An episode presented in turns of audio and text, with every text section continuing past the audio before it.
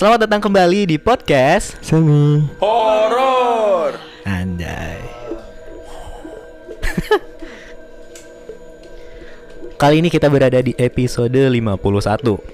Dan di episode ke eh tadi kita belum kenalan lebih jauh ya. Em, sebelumnya di sini ada gua Aziz. Di di episode 50 kita em, masih dengan orang yang sama dengan episode 50. Kali ini ada gua Aziz. Ada gua Dimas Nah, Dimas ini adalah temen satu tongkrongan, satu kontrakan, tapi dia ini eh, beda jurusan begitu. Iya betul Ada gua Trias. Silakan. Trias ini adalah pacar Dias, Ya, gua tapi bukan satu kampus sama mereka. ya. Gue beda kampus, beda jurusan juga. Hmm. Ya, gua Dias, gua pacara Trias. Oke. Yas Gua couple. dari Telkom jurusan MBTI 2018 Insya Allah lulus. Amin. Dicari lu sama listener gua. Eh, di sini ada gua juga Pandu sebagai kamera operator. Oke. di episode 51. Di sini Dimas atau bias kerap dipanggil Idung, dia akan membacakan sebuah cerita. Silakan langsung saja dibacakan. Oke Ya selamat malam sahabat podcast Semi Horor Eh, Kali ini ada orang yang mau menceritakan tentang pengalaman horornya Kita lanjut ke cerita aja ya langsung ya Langsung aja. Oke di pagi hari Y dan keempat temannya merencanakan untuk berlibur ke suatu tempat Karena Y dan teman-temannya itu belum tahu rute yang ditempuh Hmm. Mereka memutuskan untuk memakai aplikasi GPS yang ada di ponsel mereka. Kemudian, sebuah perjalanan pun dimulai. Pukul 10 pagi, mereka memulai perjalanan tersebut. Sejenak, mereka berhenti di sebuah warung untuk secangkir kopi. Lalu memulai kembali perjalanan mereka setelah kurang lebih 20 menit beristirahat di warung tersebut. Hmm. Perlahan namun pasti, mereka mengikuti arah yang GPS tunjukkan. Singkat cerita, di waktu yang ditunjukkan oleh GPS tersebut hanya berkisar 3 jam. Mereka sampai di lokasi yang akan dituju. Namun, semakin lama, semakin dalam perjalanan mereka menuju sebuah desa, semakin waktu menunjukkan bahwa sudah lebih dari dua jam setengah. Mereka belum kunjung sampai. Hmm. Ada di suatu masa ketika salah satu teman Y sadar bahwa mereka hanya dibawa muter-muter oleh GPS tersebut. Hmm. Mereka pun sepakat untuk berhenti di sebuah warung di pedesaan yang mereka singgahi. Mereka nanya-nanya ke pedagang tersebut. Jawabannya justru mengagetkan. Di sini nggak ada nama tempat itu, dek. Kemudian Ye pun bertanya, ini di handphone saya nunjukin tempatnya ke arah sini bu. Ini fotonya. Ye pun menunjukkan potret tempat wisata tersebut kepada ibu-ibu penjaga warung kopi tersebut. Hmm. Ibu nggak tahu, bentar ibu nanya ke anak ibu dulu ya. Siapa tahu dia tahu tempatnya. Kemudian keluarlah seorang anak perempuan umurnya kurang lebih 17 tahun. Perkiraan itu. Hmm. Lalu dia menceritakan masalah jalan tempat ini adanya di dusun D. Nanti Mas putar balik aja. Setelah mereka berempat selesai membayar kopi yang mereka pesan, mereka pun sepakat untuk meneruskan perjalanan. Saat Hmm. itu, mereka sampai di dusun D saat hari sudah semakin larut. Salah satu temannya berkata, "Nggak apa-apa, lanjut saja. Di Google katanya bisa nginep di sana." Sebat dulu. Yoi. Mereka kembali mengikuti rute yang tergampang di GPS tersebut. Perjalanan hanya tinggal 20 menit lagi. Mereka akan sampai. Tapi semakin mereka melangsungkan perjalanan, semakin mereka menemukan tempat-tempat pelosok. Mereka semakin dalam menuju ke pedesaan. Lanjut, pemandangan yang tersisa hanya sebuah hamparan sawah. Lalu, masuklah ke hutan. Kembali ke pesawahan. Mereka tidak sama sekali menemukan sebuah desa yang berada dalam sebuah pandangan. Kemudian ia pun memberhentikan kendaraannya.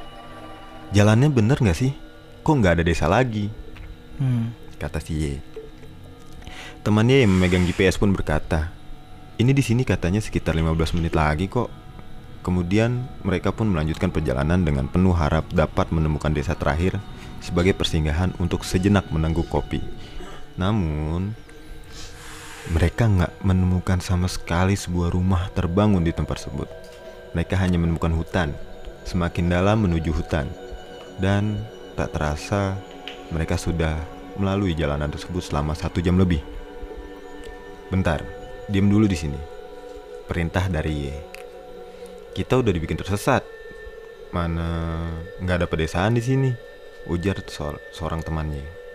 Kemudian mereka memutuskan untuk memutar haluan dengan harapan minimal dapat menemukan sebuah warung untuk beristirahat sejenak. Setelah mereka memutuskan untuk memutar balikan kendaraan dan kembali melanjutkan perjalanan, mereka semakin dibuat aneh. Woi, bentar. Lo semua sadar nggak? Ini bukan jalan yang kita lewatin tadi. Menurut pengakuannya saat itu jam menunjukkan pukul 9 malam. Oh, malam juga ya. Hmm, main. Kemudian mereka men-setting GPS menuju arah tempat tinggal mereka dengan harap dapat menunjukkan jalan kembali menuju arah pulang. Namun, semakin mereka meneruskan perjalanan, semakin mereka menemukan keanehan. Pemandangan sawah tidak ada dalam pandangan. Mereka hanya menemukan sebuah pemandangan hutan belantara. Tidak ada kehidupan di sana. Di atas motor, ia terus membaca istighfar berkali-kali hingga kemudian mereka melihat ada sebuah pedesaan di depan sana. Woi, ada desa tuh. Kita selamat. Tapi ini adalah sebuah awal dari sebuah tanda tanya besar. Ah, jangan mikir macam-macam. Tuh, di sana ada warung kopi. Kita istirahat di sana aja. Kata temannya, mereka berempat pun memutuskan beristirahat di warung tersebut dengan memesan kopi dan mie instan. Lanjut, penjaga warung kopi tersebut adalah wanita paruh baya. Usianya sekitar kurang lebih 60 tahun. Mereka bertanya ke si nenek itu. Nek, kalau jalan ke dusun dek, lewat mana ya? Nenek itu pun menjawab, istirahat saja dulu sini dek. Kemudian dia angkat bicara, kami nggak bisa santai-santai nek, harus buru-buru pulang. Kemudian nenek tersebut menunjukkan jalan ke dusun dek. Mereka pun melanjutkan perjalanan. Saat hendak membayar apa yang telah mereka pesan, nenek tersebut menolaknya. Loh, kenapa nek? Nenek itu menjawab, nenek tahu kalian pasti mampu bayarnya, tapi nenek nggak butuh itu. Silahkan kalian pulang. Keluarga kalian sudah menunggu di rumah. Kalian bukan dari kota ini kan? Seketika, ia dan teman-temannya pun kaget. Kenapa nenek ini bisa tahu? Kalian berasal dari jauh, nenek tahu. Kalian juga mau berlibur. Pulang, di sini nggak ada tempat wisata yang kalian mau. Nenek itu kembali mengeluarkan kata. Kemudian, ia dan teman-temannya kembali melanjutkan perjalanan menurut arahan si nenek. Mereka pun kembali menemukan pemandangan pesawahan yang saat pertama mereka lewati. Saat mereka menengok ke belakang, desa itu nggak ada. Lalu Wah. Anjrit. itu dibikin sesat ya, Hmm. berarti ya. Hmm. Lalu tadi mereka singgah di mana? Terus nenek tadi siapa? Mereka kemudian mengingat pesan dari si nenek. Wah, jijik. Berarti i- nenek itu sebenarnya bu- nggak ada dong. Iya, dari desa di apa? Galaksi lain. Bu- Bukan galaksi apa sih? Dimensi lain. Dimensi lain. Dimensi galaksi anjay. Begini. Tapi pas mereka lewat itu kan mereka arah pulang ya. Nah mereka ngerasa nggak sih itu tuh biasanya awalnya hilang atau tiba-tiba jadi hutan atau gimana? Kalau menurut ceritanya sih nggak ada. Tiba-tiba nggak ada aja udah. Tiba-tiba jadi hutan lagi kali ya? Mungkin. Tapi horor juga kalau misal. ya, pan kas pas pas mereka balik Hah? di perjalanan mereka, wah di depan ada desa cuy, ayo mampir dulu nih ke warung kopi. Iya. Nah pas perjalanan balik tuh ngopi, mie, makan, minum. Habis itu mereka lanjut perjalanan kan karena disuruh pulang sama si nenek. Hmm. Nah mereka jalan pulang, nengok ke belakang kan, udah hilang desanya. Mungkin kalau misalkan kalau kata orang-orang mah karena mereka ini kali ya? Nyari-nyari desa gitu kan nyari tempat buat singgah. Jadi Hmm. bayangan mereka itu tuh tempat buat singgah mereka istirahat gitu. Iya. mungkin. Hah? ya mungkin bisa jadi seperti itu. Lanjut ya? Lanjut lanjut. Eh, tadi lanjut lagi lanjut lagi kata neneknya Teruslah ingat siapa Tuhanmu, niscaya keselamatan akan menyertai. 20 menit kemudian, mereka pun bertemu dengan Dusun D.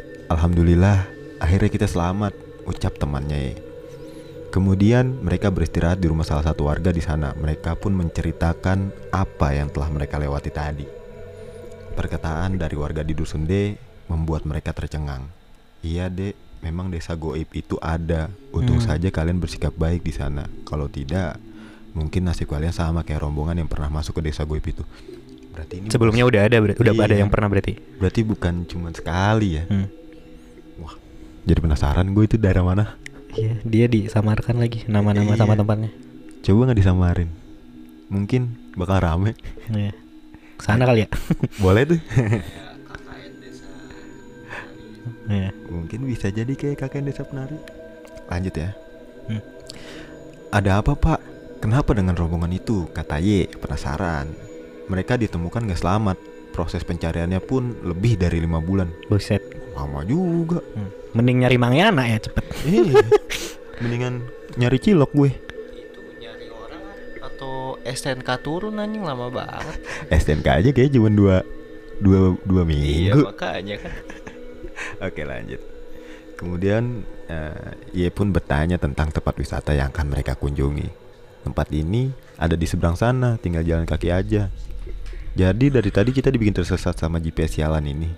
Ucap temannya, kasar sekali ini temannya ya. Hmm. Geram.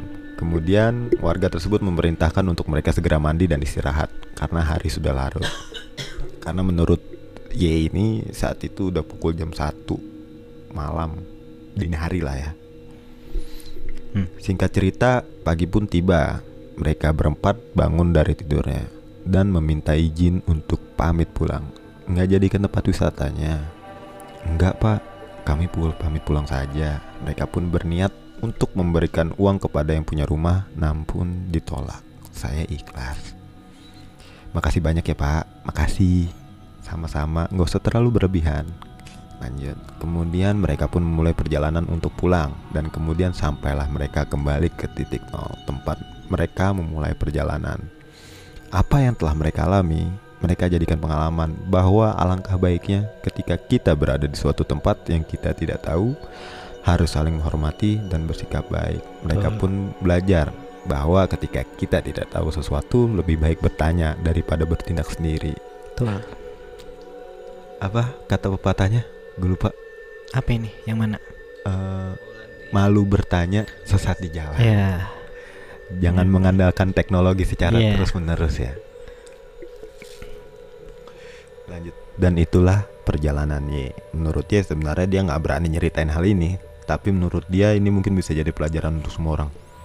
Selesai. Betul. Tapi sebelumnya ini kata Ye dia nggak berani, tapi kenapa ujungnya diceritain? Karena buat jadi pembelajaran. Apa itu? Biar jadi konten. Oh, iya benar. benar. Buat jadi konten podcast Tapi- horor. Konten nggak dibayar, kontennya dia ini ditulis sama dia nih. Oh iya betul. Iya. Kali ya kan bebas. Tapi gue punya pengalaman yang sama nih sama yang tadi diceritain sama teman kita Dimas. Yang mana? Yang barusan diceritain Yang ini cerita Iya. ini. Heeh, gimana? hampir persis banget. Jadi waktu itu gue sama pacar gue dan teman-teman gue Hah? pergi ke suatu wisata di daerah Majalengka. Gue nggak mau sebut lah namanya. Dari awal gue udah ngomong. sama lu Majalengka. Wisatanya Majalengka, kan sebutlah tidak. Panyawian. Iya, maksudnya wis, nama wis, nama wisatanya gue nggak berani sebut gitu. Tapi daer, di daerah Majalengka. Iya. Ya. Nah, gue tuh dari awal udah ngomong sama teman-teman gue. Gue pernah lihat eh, tentang konten kalau si wisata ini tuh udah nggak ada karena emang udah ada masalah di situ kan, udah nggak bisa lah. Tapi teman-teman gue selalu kayak ah masa sih, ah masa sih. Jadi kita tetap mutusin buat ke Majalengka dari Tasik kan lumayan tuh ya. Main. Nah, eh, kalau kita mau ke Majalengka, itu kan kita harus lewat hutan apa? Apa? Yas, hutan apa Yas? Hutan apa? Jam Naon? Bukan Jamrut Kastil hutan apa Wiswa. sih? apa sih? Tadi dulu, tadi dulu skip dulu. Apa hutan apa nanti ini di Ya itulah hutan, hutan harus Enggak, melewati hutan. Enggak, nyet. Kalau lu mau ke Kuningan lu harus lewat apa? Yang jalannya setapak nanjak ke atas. Yang hutan-hutan gitu. Ajis lewat tol kayak. Oh, lu naik bis ya? Iya. Eh, hutan apa sih? Apa? Ada loh hutan. Hmm, lupa banget. Pokoknya itu terkenal banget kalau misalnya. Jadi emang kalau orang naik bis tuh nggak lewat situ, tapi kalau misalnya lo naik motor atau naik mobil pribadi bisa lewat situ. Nah, Ya pokoknya Nah. begitulah. harus melewati hutan dulu lah. Iya, mungkin temen-temen harus ada yang lewat tahu. hutan dulu lah. Nah itu tuh emang su- suatu kewajiban gitu lewat situ. Hmm. Nah pas berangkat kita lewat, pas kita udah ngikutin arah si mapsnya, nyampe lah kita ke tempat wisatanya dan ternyata bener, ternyata wisatanya tuh udah longsor, udah nggak ada, Hmm. Kosong. udah lama banget. Itu tuh bener-bener cuma ada tumpukan batu-batu gitu doang. Hmm. Di situ kita udah bingung dong, udah jauh-jauh, akhirnya ternyata apa yang gue omongin bener, ya kan? Ya udah dong, akhirnya kita ke wisata lain. Ah. Setelah dari wisata lain, kita pulang nih, Hmm. kita pulang. Nah, kebetulan gue yang megang maps ya. Hmm. Ada jangan hujat ya. Ada cewek megang maps kayak bakal nyasar ya. Nah, ada tiga jalan ya buat arah dari Majalengka ke Tasik untuk Ah. arah pulang. Gue sebagai orang yang ingin cepat sampai selalu berpikiran kayak orang yang tadi lewat jalur lebih cepat. Jadi Motong, ada tiga alternatif. jalan yang paling cepat yang gue ambil. Oke dong, gue ambil karena gue yang megang jalan. Akhirnya gue sama dia paling depan dan gue di belakang ngikutin. Nah, pas ngikutin jalan, teman gue udah sadar nih kok jalannya makin gelap makin aneh Itu Pas- sore. itu enggak itu udah jam 7 malam Oh, malam. udah jam 7 malam jalan tapi posisinya gue sama Des tetap di depan dan teman-teman gue tetap di belakang nggak ada udah ngerasa aneh tapi mereka tetap ngikutin gue Ya. nah udah kayak gitu tiba-tiba teman gue nyamperin dong ini kita salah jalan gak sih kok jalannya kita harusnya ngelewatin hutan yang tadi. Hmm. tapi kita arah pulangnya tuh nggak sama kayak jalan tadi arah kita berangkat. Terus gue bilang ini di maps bener kok. Gue ngomong gitu kan. Emang jalannya hutan semua kok gue gituin kan. Nah udah kayak gitu yaudah mereka tetap ngikutin arah yang gue tuju yang gue pegang nih mapsnya. Setelah terus gue ikutin lama-lama kita bener-bener masuk hutan yang notabene nggak ada perubahan Nah ya udah di situ gue sama dia langsung kayak ini kita bener kesasar nggak sih atau enggak? Tapi di maps bener gue tetep ngeyakinin dia kayak ini kita bener kok jalannya bener orang ini buat nyampe Tasik tuh butuh satu setengah jam lagi aja gue ngomong kayak, kayak gitu kan. Tapi sorry gue potong.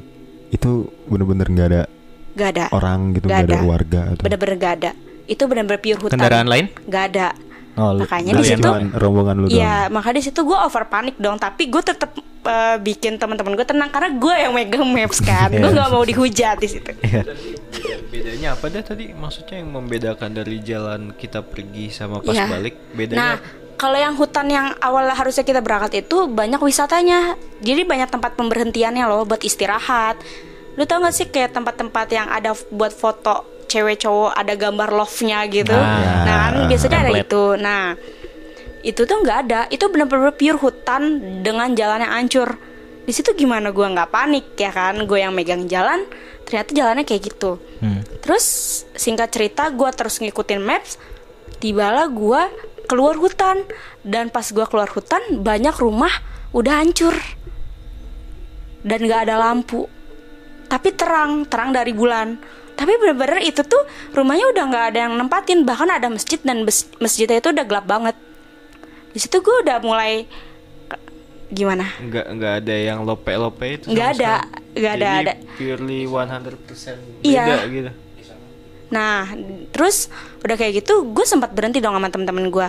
Ini bener nggak jalannya? Nah, teman gue yang tahu jalan bilang iya kita bener, tapi kita beda jalan, katanya kayak gitu. Nah, ternyata jalan ini tuh udah nggak pernah dilewatin sama orang-orang. Dan ternyata desa yang tadi gue bilang rumahnya udah sebagian hancur, ternyata itu udah dinamakan desa mati.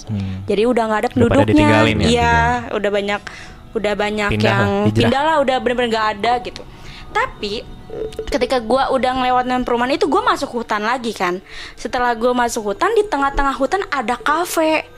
Dan kafenya itu lampu Timberlake tuh nyala. Semua kafe itu bener-bener terang Ada banget pengunjungnya nggak? nah pas gua di situ sama teman-teman gue tuh jalannya emang agak kenceng tapi tetap bisa merhatiin kan. Hmm. dan kita semua tuh ngelihat ada dua orang di situ duduk.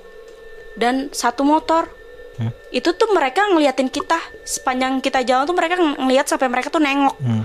mungkin mereka aneh kali ya di saat jalanan emang udah nggak dipakai tiba-tiba kita lewat situ. It- itu motor cowok lu bagus enggak enggak gitu. Di situ tuh bener-bener yang kayak cuma ada dua orang itu dan kafenya tuh nggak ada siapa-siapa lagi dan satu motor doang. Di tengah hutan. Setelah kita lewatin kafe itu cowok? iya. Setelah kita lewatin hutan itu terus keluar jalan yang gelap hutan lagi. Coba siapa yang mau ke kafe di daerah kayak gitu? Well. Mungkin kafenya buat mereka yang Iya. tidak bisa dilihat. ya kita nggak tahu di situ. Di situ orangnya juga nggak berkutik apa apa cuma Sugihan mereka. kita doang. Kafenya bener-bener terang bener-bener gimana sih kafe yang dikelilingin Timberlake itu tuh terang banget tapi, Tapi- di tengah hutan. Pas itu kalian nggak ada yang nanya sama nggak nggak ada yang bisa ditanya cuma ada dua orang itu doang sepanjang kita perjalanan pulang. Ya cuma ketemu dua orang itu doang. Nggak ketemu satu orang pun. Waduh. tapi alhamdulillah nyampe kan? Untungnya nyampe. Nah, habis itu gimana? untungnya dari situ gue sama teman-teman gue kayak tetap optimis lewat lurus aja terus ngelewatin hutan. Ya udah tiba-tiba kita udah nyampe di depan kabupaten Ciamis. Jadi poin yang diambil tuh jangan selalu ngambil Google Maps yang paling cepet sih karena Iya. coba jalan yang cepet itu belum tentu benar gitu Iya emang. Eh, berarti intinya kalau dari maps pas perjalanan pergi itu itu lurus aja ngikutin jalan gitu. Iya. dan lu balik pun ikutin jalan Iya. juga tapi basically beda Iya. semuanya Kan tadi udah disinggung sama Trias. Ada tiga jalan yang berbeda. ya Gitu. Cuman ini mengambil jalan yang tercepat, bukan Iya. jalan yang tadi dia lewatin. ya awalnya gue kira itu jalan yang berangkat nah itu tuh rada muter kan karena gue mikir kita tuh udah jam 5 sore di Majalengka kan Iya. untuk ke Tasik itu cukup jauh jadi gue mikir ya udah kita ambil jalan tercepat aja ternyata jalan yang tercepat itu malah nyesatin gitu kita malah ngelewatin kampung mati Malah notabene lebih udah nggak ya? ada orang Lebih lama apa gimana? Sama aja sih Sama aja. karena di jalan yang cepat itu kan kita lewat hutan ya Iya. yang jalannya tuh hancur Ya. sedangkan yang lewat hutan Jamanis ya kalau nggak salah namanya itu tuh jalannya ya nggak hancur tapi lurus doang gitu Hmm, kayak gitu sih gimana Jis? Apa hikmah yang bisa diambil dari cerita tersebut? Ya itu tadi. Jangan terlalu mengandalkan GPS. Iya. Ya kalau bisa kalau misalkan kalian nih teman-teman kayak lagi jalan gitu kan, Iya kan nanya. tanya aja sama orang sekitar, jangan malu. Nah, nanya tuh harusnya sama dua orang Iya. tadi. serem banget takutnya nggak napak ya kan Ya sekiranya kalaupun nggak napak yang penting tahu jalan gitu loh. Hmm. Kan di situ kan kalian juga masih abu-abu kan. Kalian pas lewat kan mereka sampai nengok-nengok gitu Iya. kan. Lu pas udah lewat lu ngeliat ke belakang lagi nggak? enggak karena kita di situ emang udah fokus jalan aja karena bener-bener hutan Nah, siapa tahu kan mereka Iya. nengoknya sampai lehernya muter Eh. balik lagi kan. helikopter, helikopter. hantu tuh Atau siapa tahu pas rombongannya Trias ini nengok ke belakang nggak ada tuh Iya. cafe itu tuh kan? Iya kan? Iya. Kayak yang tadi kejadian. Ya, cerita. Iya, kan, cerita yang tadi. Gue nggak pernah ngalamin yang kayak gitu. Tapi gue ada sedikit cerita dari teman gue. Hmm. Ini kejadian pas gue tuh kelas 2 SMA. Ini kejadian di daerah Puncak Bogor. Hmm. Ah, pada saat itu gue ya namanya juga anak SMA kita ngadain acara lah di sebuah villa gitu kan di puncak. Aku nggak gue ngadain sebuah acara di puncak itu pas malam hari dua temen gue ini nggak boleh dicontoh sih teman-teman gue ini dua orang ini ya namanya juga tongkrongan pasti mengenal minuman lah Hmm. ya kan? Temen gue belilah minuman tuh itu sekitar jam 11 malam. Nah, Emang gue udah ngerasa aneh dari villa itu sebenarnya. Banyak banget yang janggal menurut gua Tapi gua nggak bisa ceritain.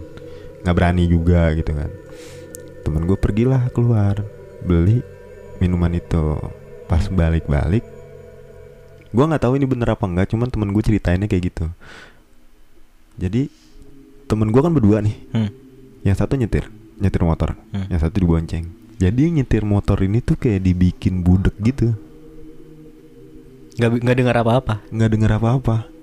Jadi yang seharusnya nih jadi kan pas mau masuk ke daerah villa gue itu kan ini harusnya belok kiri. Hmm. temen gue yang nyetir ini dia belok kanan. Padahal temen yang dibonceng itu udah ngasih tahu belok kiri Oh. tapi dia nggak ngedenger apa-apa. Sampai akhirnya dia mentok di jalan buntu nggak tahu itu di jalan mana dia cerita di situ baru sadar. Pas balik-balik dibikin budek lagi dibikin puter-puter lagi. Itu gua nggak tahu itu benar apa enggak cuman Hmm. temen gue bilang kayak gitu. Kayak gua dari awal masuk gua ke daerah villanya juga gua ngerasa aneh emang tempatnya gelap banget dan villanya tuh di kayak masuk agak masuk ke hutan gitu kan nggak tahu dah tuh sekarang villanya masih ada apa enggak cuman gua nggak bakal mau lagi ke situ harganya murah juga cuman Balik lagi kayak cerita tadi. iya harganya murah juga Kalau bisa murah kenapa harus mahal? untuk seukuran villa yang isinya 5 kamar di bawah 2 juta tuh murah kan Hmm. Iya, ya gitu aja sih sebenarnya cerita dari gua yang gua pernah dengar dari teman-teman gua. Gimana Jess? Ya.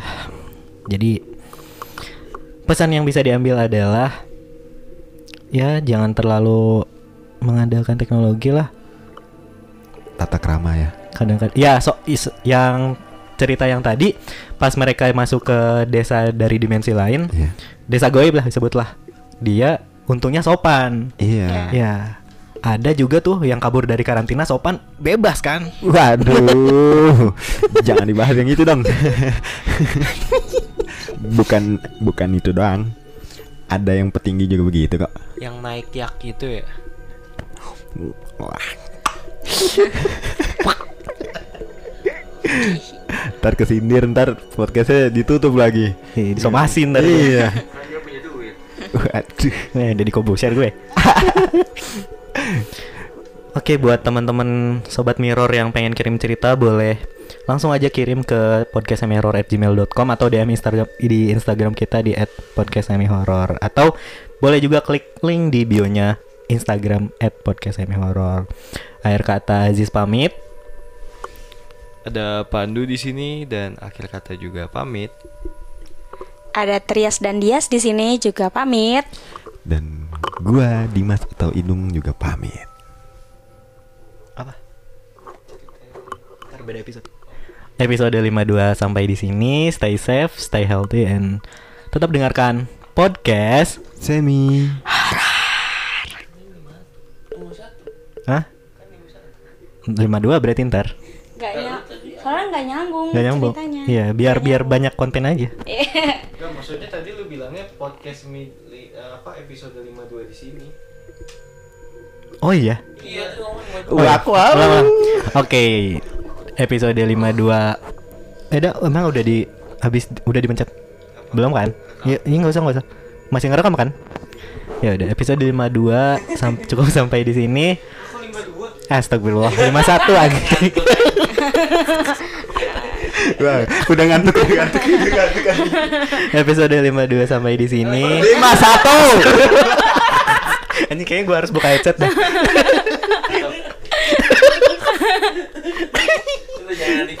Episode Iya bener Episode 51 sampai di sini. Tetap dengarkan podcast Semi.